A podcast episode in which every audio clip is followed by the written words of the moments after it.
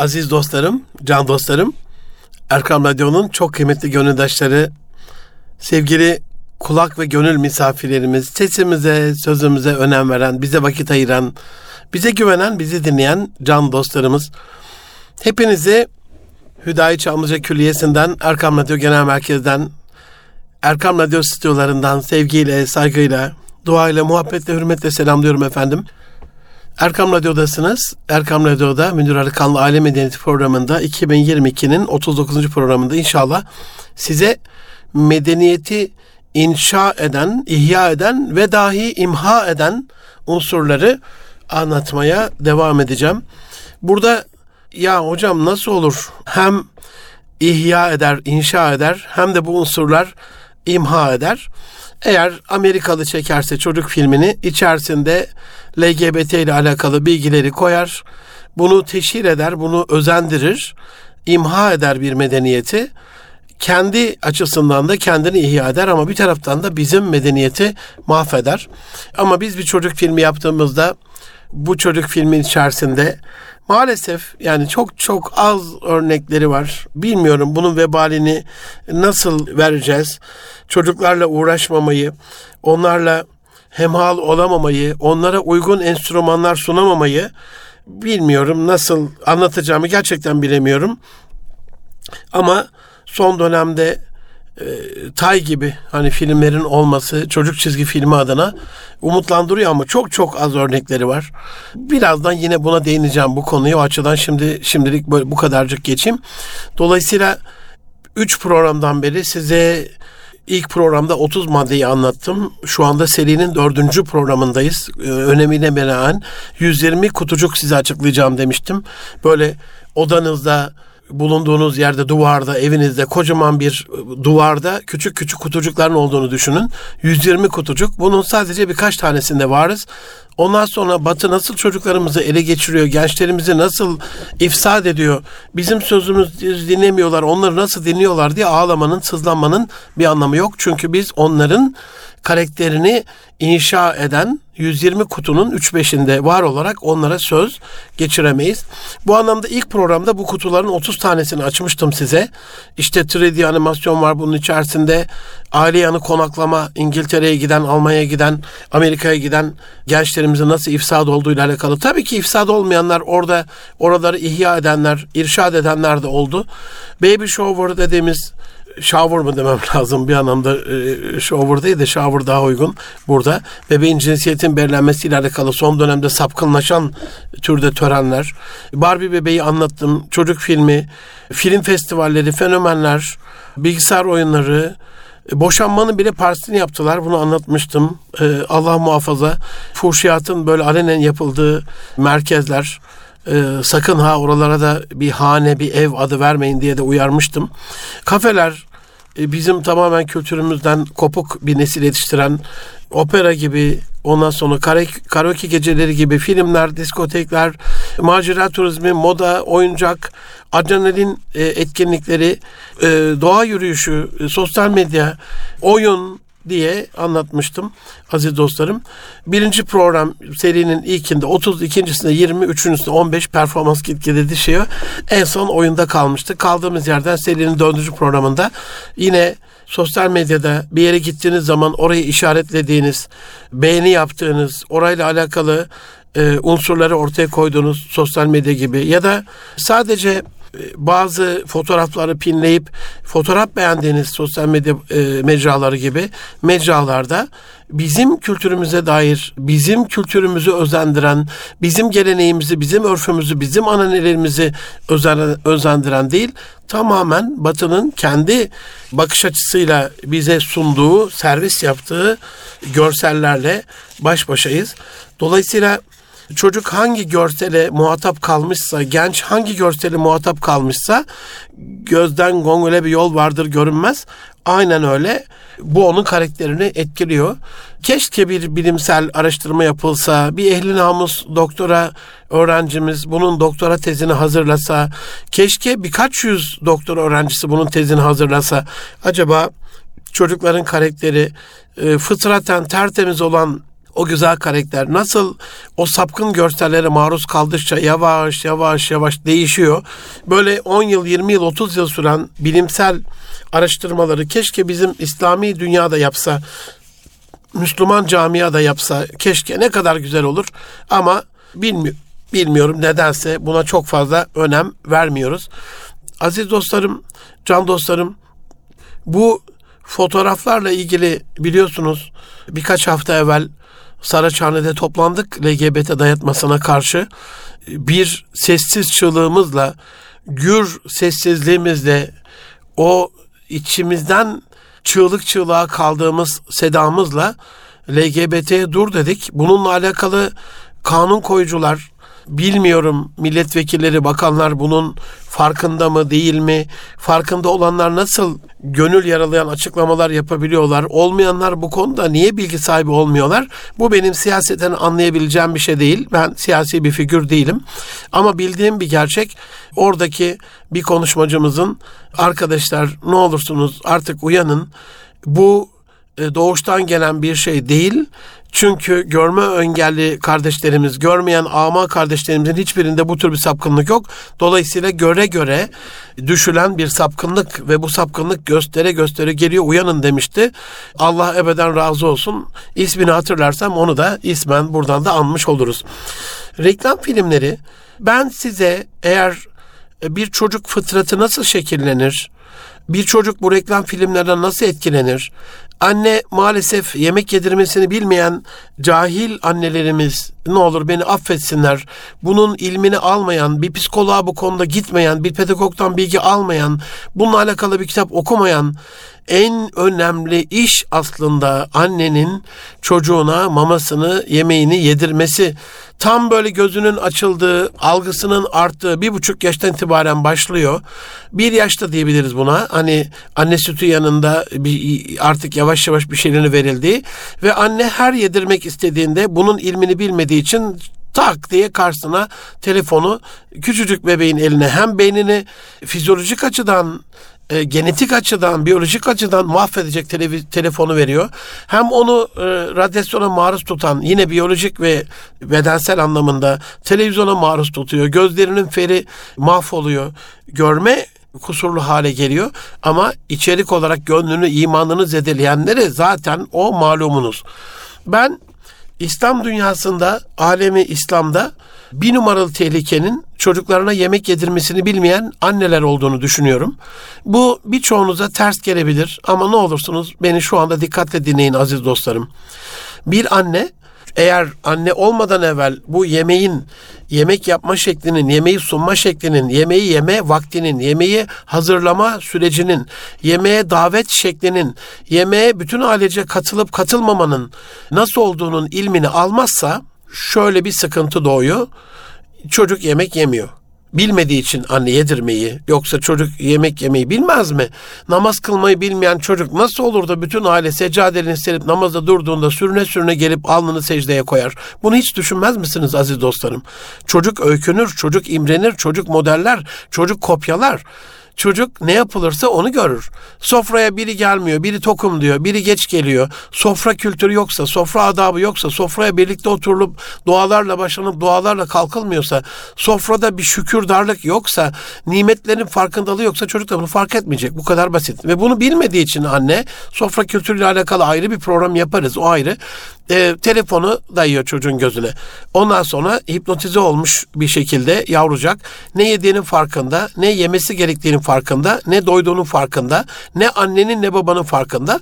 Sonra yavaş yavaş Batı onu ele geçirirken, aa bu çocukta tuhaflaşmalar var, tuhaf hareketler var. Çocuk bizden uzaklaşmaya başladı. Çocuk farklı arkadaşlarla görüşmeye başladı. Çocukta karakter bozulmaya başladı. Çocuk artık eve gelmez, genç bizi sormaz.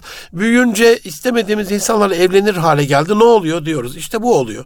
Onun için ben tekrarlıyorum bu cümlemi. Ne olur bizi dinleyen hanımefendi kardeşlerim, annelerim, kız kardeşlerim, teyzelerim, halalarım, anneannelerim, babaannelerim Allah rızası için beni çok iyi dinlesinler. Alemi İslam'ın, İslam aleminin bir numaralı problemi çocuklarına yemek yedirme ilmini bilmeyen, bu ilimden nasiplenmemiş, okumamış, kitap okumamış, video izlememiş, bir psikoloğa bununla ilgili vakit ve bütçe ayırıp gitmemiş, bunun derdiyle dertlenmemiş, bunu önemsememiş annelerin varlığıdır. Bu anneler çocukları bir yaştan itibaren Batı'nın bilgisayar ve telefonları vasıtasıyla hipnotize ettiği bir hegemonya altına alırlar bilmeyerek. Ve bu burada reklam filminden buraya geldik. Çok masum gibi görünen reklam filminde bile kullanılan renkler, şekiller, arka fondaki verilen mesajlar, 25. kare dediğimiz o bilinçaltını inşa eden ya da dumura uğratan o gizli mesaj gibi unsurlar çocuğu mahveder. Ondan sonra da çocuğa televizyon izleme, video izleme, odana çekilme. E, annem sen öğrettin bunu kız kardeşim, ablam. E, sen öğrettin çocuğu ona bağımlı hale sen getirdin. Üstelik karakterinin %70'inin en azından şekillendiği 85'e kadar çıkartan profesörler var ilim dünyasında bunu. Hadi en azını söyleyelim. Karakterinin %70'inin şekillendiği ilk 4 yaşta bunu yaptım ki artık çocuğun mermer karakteri oluştu. Mermere kazındı. Bir daha onu silmen için elinde de bir tülbent var. Hani zımpara taşı da yok. Sil ki 40 yıl 50 yıl onu o kazınmış oyukları seviyesi düz bir hale getirebilesin, aynı seviyeye getirebilesin. Bu da çok zor. Aziz dostlarım, ben size acizane bir kardeşiniz olarak hangi işi yapıyorsanız yapın. Sonrasında radyomuza e, beni eleştirmek adına, şikayet etmek adına ya Münir Arıkan Hoca bize bir şey önerdi. Biz buna bir para harcadık. Biz buna bir zaman harcadık. Biz bunu ailemizle gittik, izledik. Hiçbir haltta anlamadık kardeşim. Böyle ya, programcı mı olur? Bizi yanlış şeylere sevk ediyor diye Allah rızası için şikayetlerinizi bekliyorum. Şikayet edin ki yanlışımız varsa doğrultulsun. Yanlış yapıyorsak da hani kovulacaksa kovulalım. Program duracaksa dursun. Yeter ki siz bundan zarar görmeyin. Önerim şudur ki ailenizle, şirketinizle, e, neredeyseniz şu anda bir sosyal sorumluluk projesinde bir STK'da bir vakıfta hiç önemli değil. Bir siyasi olarak bir belediye olarak hiç önemli değil. Ekibinizle yani bir arabalık bir ekip bu. Aileyseniz bir araba bir yere. E, şirketteyseniz bir araba. Yani 4-5 kişi bir araya gelip şu anda İstanbul'un değişik yerlerinde stüdyolar var. Bunlar reklam filmi çekiyorlar ya da şirketleri takip ederek onlara sorabilirsiniz. Bazen de şehrin belli mekanlarında illa stüdyoda olması şart değil. Reklam filmleri çekilir. Hayatınızda en az bir kere bir reklam filminin nasıl çekildiğini siz onu televizyonda 3-5 saniye maksimum 25-30 saniye görüyorsunuz. Öyle bir dakikalık reklam filmi çok az. Yüzde, yüzde ondur maksimum. Yüzde doksanı bir dakikanın altındadır. Dolayısıyla bir mesaj nasıl verilir? Bunu din adamıysanız da öneriyorum. İmamsanız, öğretmenseniz de öneriyorum. Bir mesaj nasıl paketlenir? Bir ürün bir mal, bir hizmet nasıl pazarlanır? Bir mesaj nasıl verilir anlamanız adına ömrünüzün herhangi bir döneminde Allah rızası için lütfen Münir Arıkan'ın kulak küpesi vasiyeti gibi tavsiyesidir. Bir reklam filminin nasıl çekildiğini, buna nasıl özenildiğini, bunun nasıl önemsendiğini, buradaki o 35-40 kişilik ekibi, ışıkçısını, setçisini, kostümcüsünü, e, kestini, o oyuncularını, onun yönetmenini, onun danışmanlarını, onun psikologlarını, onun profesörlerini, onun metin yazarlarını, onun e, daha sonraki e, o görüntüleri düzenleyen e, yapımcılarını, altyazısını hazırlayanları, VTR'sini yazanları külliyen 20-30 kişilik bir ekibin bazen yüze kadar da çıkıyor. Bir, bir mesajı nasıl verdiğini anlamak adına bunu size öneriyorum. Buradan neyi kastediyorum? Eğer biz çocuklar nasıl öykünüyor, modelliyor, biz de kendi hayatımızda reklamcıların yaptığını modellersek kendi davamızı, kendi mesajımızı, kendi ilkemizi çocuklarımıza sevdirmekle alakalı bir nebzecik ilerlemiş oluruz. Bir başka kare var olduğunu sandığımız seminerler ama bizim seminerlere 3-5 kişi katılır. Karşımızdaki kişilerin seminerlerine binlerce kişi katılır. Bizim seminerler bir şirkete gitmiştim. Hocam biz bunları sık sık düzenliyoruz. Kişisel gelişime çok önem veriyoruz. Kurumsal gelişimde kurumsallaşma çok önem veriyoruz. İnanın aynen böyle söylemişti. Sık sık düzenliyoruz. Dedim ne kadar zaman zamanda bir yapıyorsunuz? 5-6 yıl evvelde yapmıştık diyor. Ya bu ona göre sık sık. Demek ki hani 15-16 yıl Türkiye'de o aile şirketinin ortalama ömrü hani 3 kere yapsa ona sık sık gibi geliyor. Ama ona sorsanız sosyal medyaya ne kadar giriyorsunuz? E, hocam günde 2-3 saat. Televizyon ne kadar izliyorsunuz? 5-6 saat. E, akşamleyin kafeye ne kadar gidiyorsunuz? Her akşam. Sigara içiyorsanız ne kadar zamanda içiyorsunuz? Saat başı. Yani sık sık böyle olur aziz dostlarım. 5-6 yılda bir aldığınız cüzi bilgiyle o şirketi çekip çevirmeniz, o okulu idare etmeniz, o aileyi yönetmeniz asla ve asla mümkün olmaz. Dolayısıyla 84'te ben ODTÜ'ye girdiğimde Osmaniye Ötip Lisesi mezunu bir kardeşinizim. ODTÜ kamu yönetimine. Turgut Özal rahmetlinin başbakan olduğu dönemdi. Amerika'da seminer, o zaman seminer diye şeyler yazılırdı, duyurular ODTÜ'de. Ya seminer, seminer, seminer, seminer, seminer neymiş bu falan merak ediyorduk yani. Biz sohbet duymuşuz o vakte kadar. İmam Hatip nesli vaaz duymuşuz, nasihat duymuşuz, konuşma duymuşuz. Ondan sonra tebliğ duymuşuz biraz ama seminer hiç duymamışız. Dolayısıyla 20-30 yıldır aşina olduğumuz yavaş yavaş bir usul ama bu çağın en hızlı değişim araçlarından, metotlarından bir tanesi seminer. Konuşmacılar büyük hazırlıklarla kendi 35-40 yıllık, 50-60 yıllık ömürlerindeki en önemli anekdotları, hayatta gördükleri en güzel unsurları konu odaklı, hedef kitleyle uygun, mekana münasip bir şekilde ücretli ya da ücretsiz tam alıcılarınızın açık olduğu bir vakitte size sunuyorlar. Dolayısıyla ben buradan STK'larımıza, vakıflarımıza, derneklerimize, okullarımıza, kurumlarımıza, ailelerimize, ya, hocam aileyle ne alaka? Ben yavrularımı büyütürken Dikkat Apartmanda Alim Var projesiyle hem, hem apartmandaki çocuklara hem çocuklarıma bu arada onların kuzenlerine, akrabalarına davetiyeli özel programlarla seminer düzenledim. Alim insanları, gönlü güzel insanları evime davet ettim, onları ağırladım. Bu usule de eğer uyar bunu da yaparsanız bu da ayrı bir şey olur. Aziz dostlarım Spor bir başka karakter şekillendiren ya da bozan unsurlardan bir tanesi. Ben şuna çok hayret ediyorum. Geçenlerde bir belediyemiz galiba düzenledi. Tam da takip edemedim ama sosyal medyada birkaç ensantane gördüm. İslam ülkeleri spor oyunları gibi. Pek de hani başında İslam'ın konmasının uygun düşmediği bir görüntüydü. Sosyal medyada gördüğüm kadarıyla. Ama oradaki stat'taki atmosfer neydi? E, izleme şansım olmadı gerçekten. Bir de hani bu tarz spor, mipor, futbol özellikle hayranı olduğum, müdavimi olduğum, uyuşturucu, eroinman bağımlısı gibi e, maçlarına böyle gittiğim bir şeydi. Ama elhamdülillah 10-15 yıldan beri asla ve asla izlemiyorum. Arada da size söylüyorum. Siz siz de bırakabilirsiniz gibi. Kamu spotu gibi oldu ama sigarayı bırakabilirsiniz gibi. Bu insanlara faydası olmayan mala yani bir uğraş ama sektör haline gelmiş. Kulüpleri var, koca koca iş adamları hem de bizim camianın güzel insanları milyonlarca, milyarlarca lira harcıyorlar oraya. Aklım almıyor. Verilen paranın %60'ı yurt dışına gidiyor. Oradaki sporcular tamamen bir fuhuş hayatı yaşıyor. Fuhuşiyatın içindeler. Onlar mankenlerle alakalı başka bir sektörü besliyorlar. Onlar fuhuşiyatla ilgili başka bir sektörü besliyorlar. Böyle böyle bir kendi melanet zincirinde hani masum gibi görünen bir oyun bile nelere mal oluyor.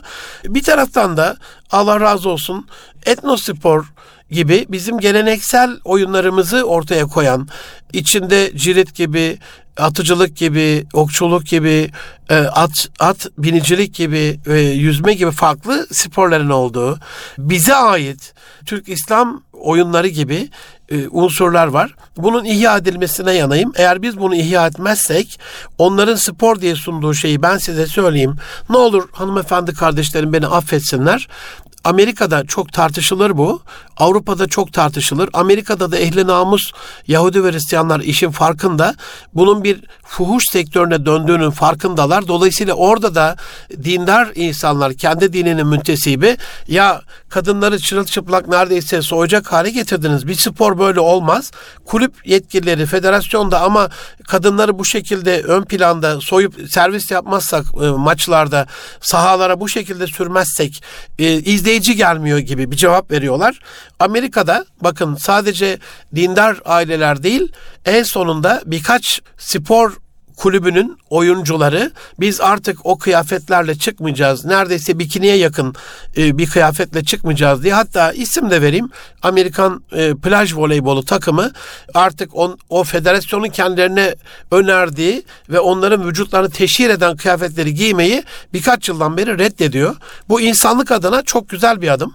Ama şöyle bir bakarsanız jimnastikte, balede, buz pateninde, yüksek atlamada, sırıkla yüksek atlamada, uzun atlamada, 4x100 bayrak yarışında, kızlar kadınlar futbolunda, adını daha bir sürü sayabilirim ama ilk hatırladığım bunlar gibi spor faaliyetlerinde bunun teşhirciliğe döndüğünü, kadının bir meta gibi sahaya neredeyse yarı çıplak şekilde sunulduğunu, izleyenlerin maçtan ziyade, spor organizasyonundan ziyade bir kadın teşhirini izlemeye geldiğini artık onlar da çok iyi biliyorlar. Bizim de artık bunu bilip buna göre tedbir almamız, kendi kadim değerlerimizin, kendi kültürümüzün töresini, kostümünü, kıyafetini, e, geleneğini ortaya koyup ihya etmemiz lazım. Yoksa bu kutuda bizim e, medeniyet ihyasından medeniyet imhasına giden, evrilen bir kutu olacak sıra gecelerimiz vardır bizim. Özellikle Ramazan Bingöl abi buradan anmadan olmaz. E, arada Urfa sıra geceleri yapar. Gaziantep'te de yapılır. Çocukluğumdan çok iyi hatırlıyorum. Ama bunun halk ozanları yavaş yavaş bitti. Sebebi şu, e, halk ozanlarının bitmesinin sebebi bir şeye teveccüh etmezseniz can dostlarım bu ülkede daha yakın zamana kadar bir 10 10 yıl 10 küsür yıl öncesine kadar mehter yasaktı. Bunu 28 Şubat zihniyeti yasaklamıştı. CHP zihniyeti bunu yasaklamıştı. Yani mehter dediğimiz bizi biz yapan, bizi coşturan, bize coşku veren ya bizim müziğimiz bize nasıl yasaklanır? Yasaklanır tabii. Aynı zihniyet bizim dinimizin en önemli vecibesi olan ezan-ı Muhammedi'yi yasaklamadı mı? Camileri yasaklamadı mı? Kur'an-ı Kerim'i yasaklamadı mı? Hala da bazı milletvekilleri ekranlara çıkıp imatiplerle ilgili, ilahiyatlarla ilgili, Diyanet İşleri Başkanlığı ile alakalı, Kur'an-ı Kerim'le alakalı ağza alınmayacak ifadelerde bulunmuyorlar mı? Bu anlamda biz kendi kadim değerlerimizi, kendi örfümüzü, geleneğimizi yaşatamazsak yaşayamayacağız. Bir din sadece dindarlığıyla yaşanmaz. Onun kıyafeti, onun töreleri, onun evlilik merasimleri, onun çocuğun bir sünnet töreni gibi e, arada var olan törenleri, nişanı, nikahı, onun bir cenaze merasimine katılması, bir meftanın defni ile alakalı yapılması gereken vecibeler, bir bayram namazını kılınması gibi, bir Ramazan'ın ihyası gibi bütün unsurları o kültürü oluşturur. O kültür o dinin ihyasını sağlar. Amerika'da arkadaşlarımız gittiğimiz zaman diyorlar ki hocam ne güzel ya bak geldiğinizde 4-5 arkadaş böyle hani göstermiştik Müslüman olan. Şimdi onlar tekrar eski dinlerine döndü. Ya nasıl olur? Daha iki yıl geçti aradan. iki yıl gibi bir kısa bir sürede. Sonra ulaşabildiklerimize ulaşıp sorduğumuzda şöyle bir şey çıkıyor ortaya. Ya diyorlar biz evet bu dini hak dini olduğuna inanıyoruz ama yaşama imkanımız yok. Nasıl yani? E biz sizin dininizi çok sevdik ve Müslüman olduk ama eşimizin o kılık kıyafetiyle çalışacağı uygun bir ortam bulamadık.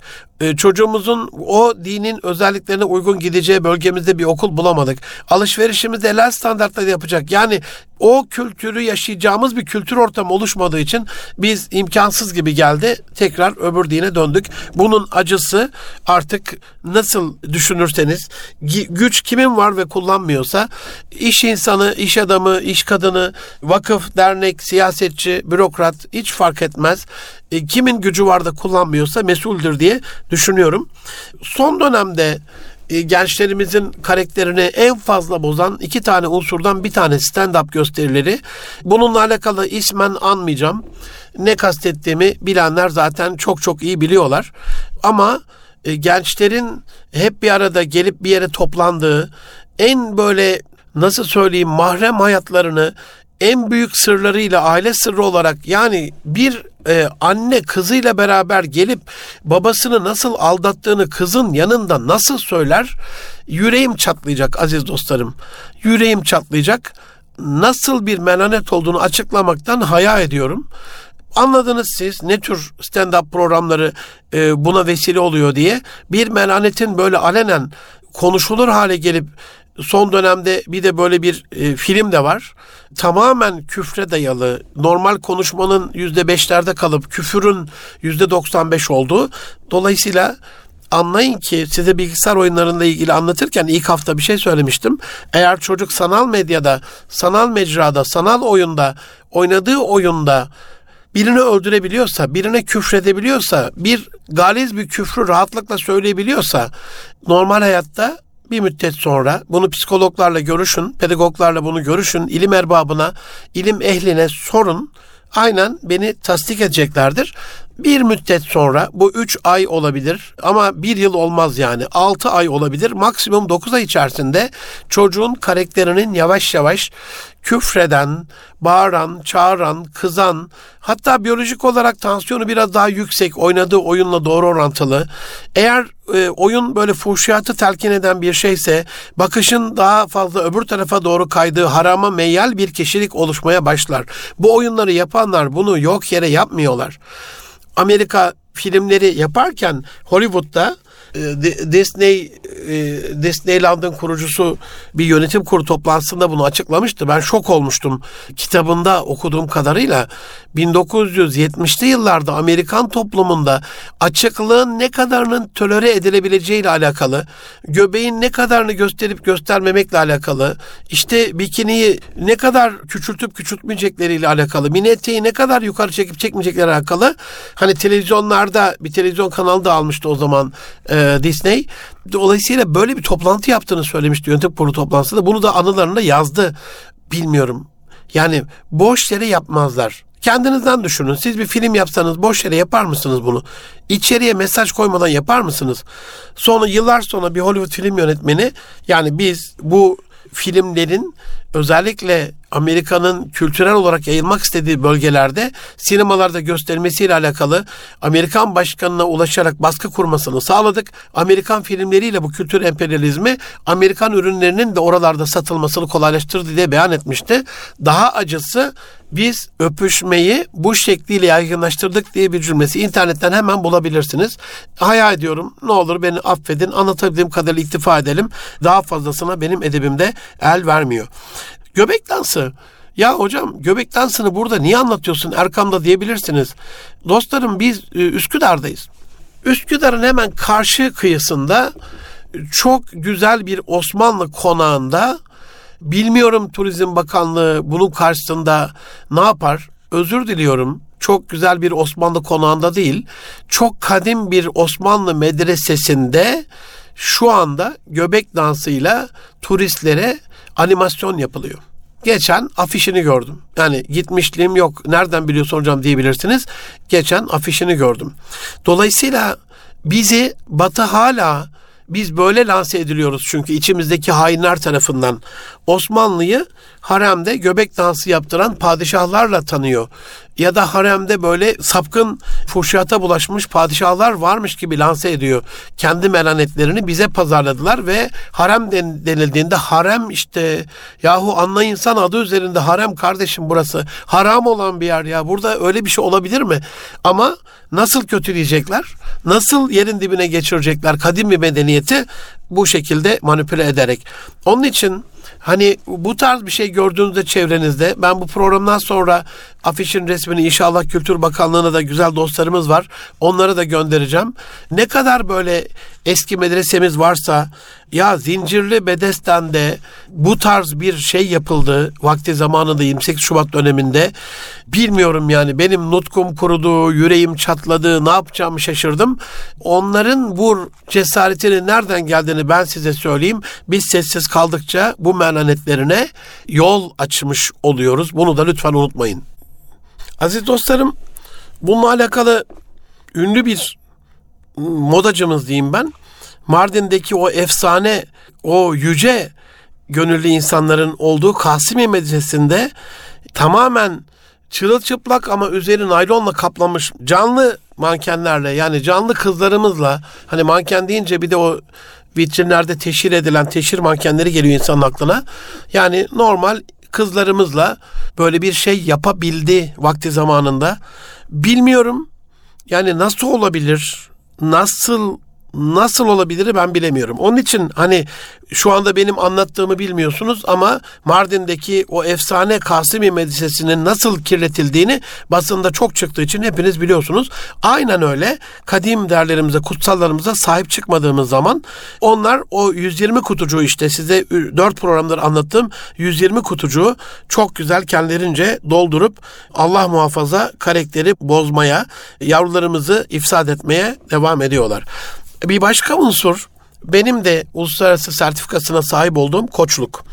Koçluk aslında hani mürşidi kamil bir insanın e, yaptığı rehberlik kılavuzluğa benzer bir şey. Tek farkı mürşidi kamil insan bir üstad, bir hoca efendi, bir alim, bir kanaat önderi, bir gönlü güzel insan bu kılavuzluğu yaparken bazı kadim değerleri oluyor. Mihe, nirengi noktaları oluyor, omurgası oluyor, işin belli bir ana direği oluyor. Ama hani koçlukta ben gerçi o şekliyle yapmıyorum ama bize öğretildiği şekliyle Amerika'da, İngiltere'de, Kanada'da size danışan yaptığı işte tamamen doğrudur. Siz onu yargılamadan o işi daha güzel nasıl yapacağıyla alakalı kılavuzluk yapabilirsiniz.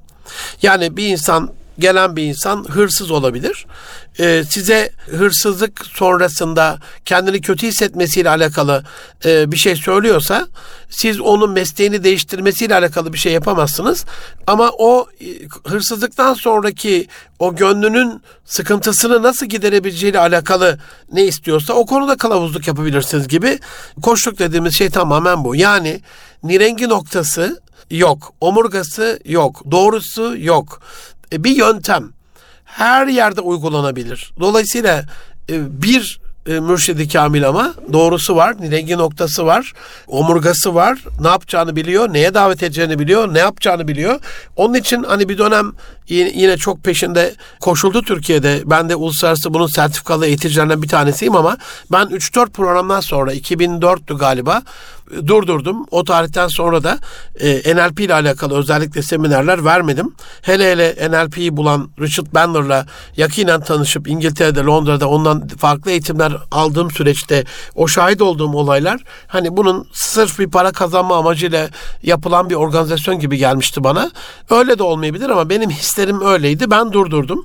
O tarihten sonra da yapmadım zaten. Bili, biliyorsunuz yakinen bilen dostlarım da var. E, çok para getiren bir şeydi. İnanılmaz derecede teveccühü olan, müşterisi olan bir şeydi. Ve benim uluslararası bu sertifikata sahip olduğum dönemde Türkiye'deki üç kişiden bir tanesiydim. Çok fazla insan yoktu. Ona rağmen oradaki inisiyatifimi biraz hassasiyetle kendi kadim değerlerimden yana kullanmanın da elhamdülillah gönül huzurunu yaşıyorum. Aziz dostlarım bir başka unsur birkaç uluslararası medya şirketinin yaptığı, yayıncının yaptığı e, bir şey düşünün. A4 büyüklüğünde harita metot defteri parmağınız kalınlığında olsun. Böyle bir kitap ama yanında da yarım kesme şeker kutusu kadar bir kiloluk kesme şekerler var ya bir plastik oyuncak veriyorlar. Bu kitapta var olan resimler minik minik disketlerde hani hacdan gelince Kabe'ye baktığımız küçük böyle e, şeyler vardır ya 3D göster gösterme aletleri. Aynen öyle hani Kabe'yi zemzem kuyusunu e, şeytan taşımayı falan görürsünüz. Aynen öyle. Bu minik projeksiyon duvara yansıttığında çocuk hikaye, okuduğu hikaye kitabındaki karakterlerin resimlerinin duvarda yansıdığı, yattığında tavana yansıtırsa yatarken tavanda gördüğü bir şey. Ben acizane Artık bazı şeyleri söyleye söyleye usanmaya yakın bir hale geliyorum. Bundan sonrasında Rabbim lütfederse siz de dua ederseniz artık kendi imkanlarımla kendim yapmak istiyorum. Çünkü insanları ikna edemediğim için böyle bir şey yapmaya Allah lütfederse ne olur bu kardeşine dua edin. Namazla alakalı bayramla alakalı, Ramazanla alakalı yani kendi kadim derlerimizle alakalı, hacla ilgili, kurbanla ilgili böyle projeksiyonlu beş kitaptan oluşan bir seri yapmak istiyorum. En azından İslam'ın beş şartını ortaya koyan bir tevhid akidesi olsun. Çocuklarımızın bu projeksiyonlu kitaba şöyle bir tepkisi oluyor olumlu manada. Çocuğa bir kitap aldığınızda hani küçük yaşlarda iki yaşında olduğunu düşünün çocuğun, üç yaşında olduğunu düşünün. O kitapla rabıtası çok fazla olmuyor. Sizin onu e, bir miktar teşvik etmeniz, yönlendirmeniz gerekiyor. Ama çocuğa uygulamalı bir kitap verdiğinizde ki o projeksiyon bir uygulamadır onun için. Dokunsal da bir şey vardır, fiziksel de bir şey vardır ve sürpriz vardır işin içerisinde. Şov vardır. Dolayısıyla gelen dedesine, halasına, teyzesine, dayısına, kuzenine, komşusuna, arkadaşına o e, projeksiyona o küçücük minik disketi koymak da e, eski 25 kuruşlar vardı ya iki buçuk liralar vardı o büyüklükte bir şey düşünün. Böyle onu takıp bir de tuşa basacaksınız. E, telefon kullanıyor şimdi iki yaşında çocuklar yani harıl harıl telefonda video kanallarına girip videoları arıyorlar yani ya, okuma yazma bilmeseler bile e, yandaki bannerlardan istedikleri doğru gitmeyi öğrenmişler bir taraftan. Dolayısıyla e, disketi takacaksınız. Küçük bir onun yeri var. Ve bir açma tuşuna basınca ışık da yanacak ve çok basit olduğu için yapabildiği bir şey ya bu çocuğun. Mesela çocukları anlamıyoruz biz. Çocuk siz bir şey 3 yaşına kadar diyeyim. Siz bir diyelim üst üste bir şey dizersiniz. Çocuk onu hemen gelir yıkar aslında çocuğun yapabildiği şeydir o. Çocuk da o anda bir şey yapıyor. Biz yıktığını zannediyoruz. Halbuki çocuk o anda yıkabilmeyi yapıyor, onu yapıyor. Yarın yapabilmeyi yaparsa onu yapacak yani. Onun için çocuk yapabilme merakındadır. Kendini ezilmiş hisseder, ezik hisseder. Çocuk bir an evvel büyüme telaşındadır. Hani düşünün bir, bir yaşına kadar bebek arabasında gezdirirsiniz ama bir yaşından, bir buçuk yaşından sonra hele hele yavaş yavaş böyle çocukluk evresini, oral dönemi geçtiğinde, emme dönemi bittiğinde artık tekrar onu yavaş yavaş yürümeye de başlar body body. Tekrar onu bebek arabasına gezdiremezsiniz. Bebek kıyafetleri giymek istemez. Bebek gibi önünün takılmasını istemez. E, ağzına yemek e, verirseniz kaşıkla iki yaşa kadar bazen bir buçuk yaşa kadar da olur bu. Çocuk pek ses çıkarmaz. Yemeye çalışır falan ama ikiden sonra bir dakika der ben de o kaşığı tutabiliyorum. Tabii bunu konuşarak demez ama beden dili size bunu açıklar. Yani çocuklar bir büyüme e, hevesinde, merakında, öykünmesindedir.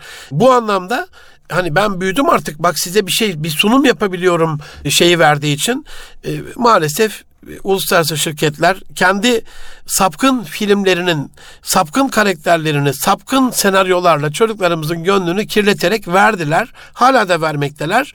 Bizim camia, bizler, bendeniz niye uyuyorum? Benden başlayayım. Ee, tabii duanızı istiyorum. İnanın ben hani imkanım olduğunda, imkanımı bulduğumda finanstan bahsediyorum sadece. Birçok projem var inşallah. Yani millete böyle yalvaracağımıza, onları bekleyeceğimize, bazı vakıfları, dernekleri, onların himmetine sığınacağımıza Allah'a sığınarak e, sizlerin de duasıyla bunu inşallah yapmak istiyorum. Rabbim inşallah en kısa zamanda hem bu projeksiyonlu kitabımı hem de kitaplarımı hem de bu Arapçayı, Kur'an-ı Kerim'i, Elif Bağ'ı çocuklara sevdirerek öğretme oyuncaklarımı yapmamı nasip eder. Bu iki konuda özel duanızı istirham ediyorum. Aziz dostlarım, Senaryo bu kutulardan yine bir tanesi. 120 kutucuk var duvarda düşünün. Kutulardan çekmecelerden birini daha çekiyoruz. İçinden senaryo diye bir şey çıkıyor. Bizler maalesef insanları etkileyecek düzeyde Rowling gibi Harry Potter'ın yazarı mesela e, bir senaristimiz yok. Senaryo yazarımız yok. Ee, yazılı eserleri senaryolaştıracak uzmanımız yok. Var olan birkaç tane onların da hangi senaryoları yaptığını biliyorsunuz. Geçen paylaştım Gaziantep'i Allah muhafaza bir fuhşiyat merkezi bir gösteren bir yayınla alakalı tweetlerimde bakabilirsiniz. Buradan tekrar beyan etmeyeyim. Ama bizim bizim Gaziantep kültürümüzde, örfümüzde bu tarz sapkınlıkları yer yok. Herkesin biraz da kendine çeki düzen verip haddini bilmesi lazım. Sosyal medyadan bakıp siz de bu konudaki tepkinizi Gaziantep'in örfüne, orayı işgale gelen Fransızların örfünde o tarz bir melanet olabilir. Fransız bunu yapabilir ama Müslüman Türkler asla Türkmenler öyle bir şey yapmaz. O filmin, o dizinin çekimcileri, onun yayıncıları, o diziye reklam verenleri tekrardan bu vesileyle bir kez daha düşünmeye davet ediyorum. Çocuklarınızın konuşması güzelse, hayal dünyası güzelse, yazısı güzelse, kelimelerini bollaştıracak faaliyetler yaparak kelime hazinelerini geliştirirseniz iki farklı birbirinden en farklı bir kelimeleri birbirine bağlamayı onlara öğretebilirseniz senaryo inanılmaz bir şekilde sürpriz bir şekilde ummadığınız bir şekilde bitiyor ya hani. İşte bu demek yani. En farklı iki kelimeyi birbirine bağlayabilme becerisi senaristin kendi becerisi yazarın kendi becerisi. Hep doktor hep avukat hep hukukçu değil. Türkçe'ye de sahip çıkan siz size e, dört haftadan beri burada arz ettiğim bu kadim geleneğin ihyasında, inşasında ve imhasında etkili olan bu 120 kutucukla alakalı da uzmanları yetiştirmek bizim medeniyetimizin borcu. Aziz dostlarım bir başka çekmeceyi açıyoruz. Oradan da söyleşi diye bir şey çıkıyor kutumuzdan. Ne yapılıyor? Bakıyorsunuz bazı söyleşilerde kutsallarımıza, Allah'ımıza, Peygamber Efendimiz sallallahu aleyhi ve selleme, dinimize, kitabımıza, Türk ve İslam alimleri e, aleyhine, geleneklerimiz aleyhine, ya kurban kesiyoruz bir söyleşi yapıyorlar. Kurban şöyle vahşettir böyle vahşettir. Bu yetkiyi size kim verdi?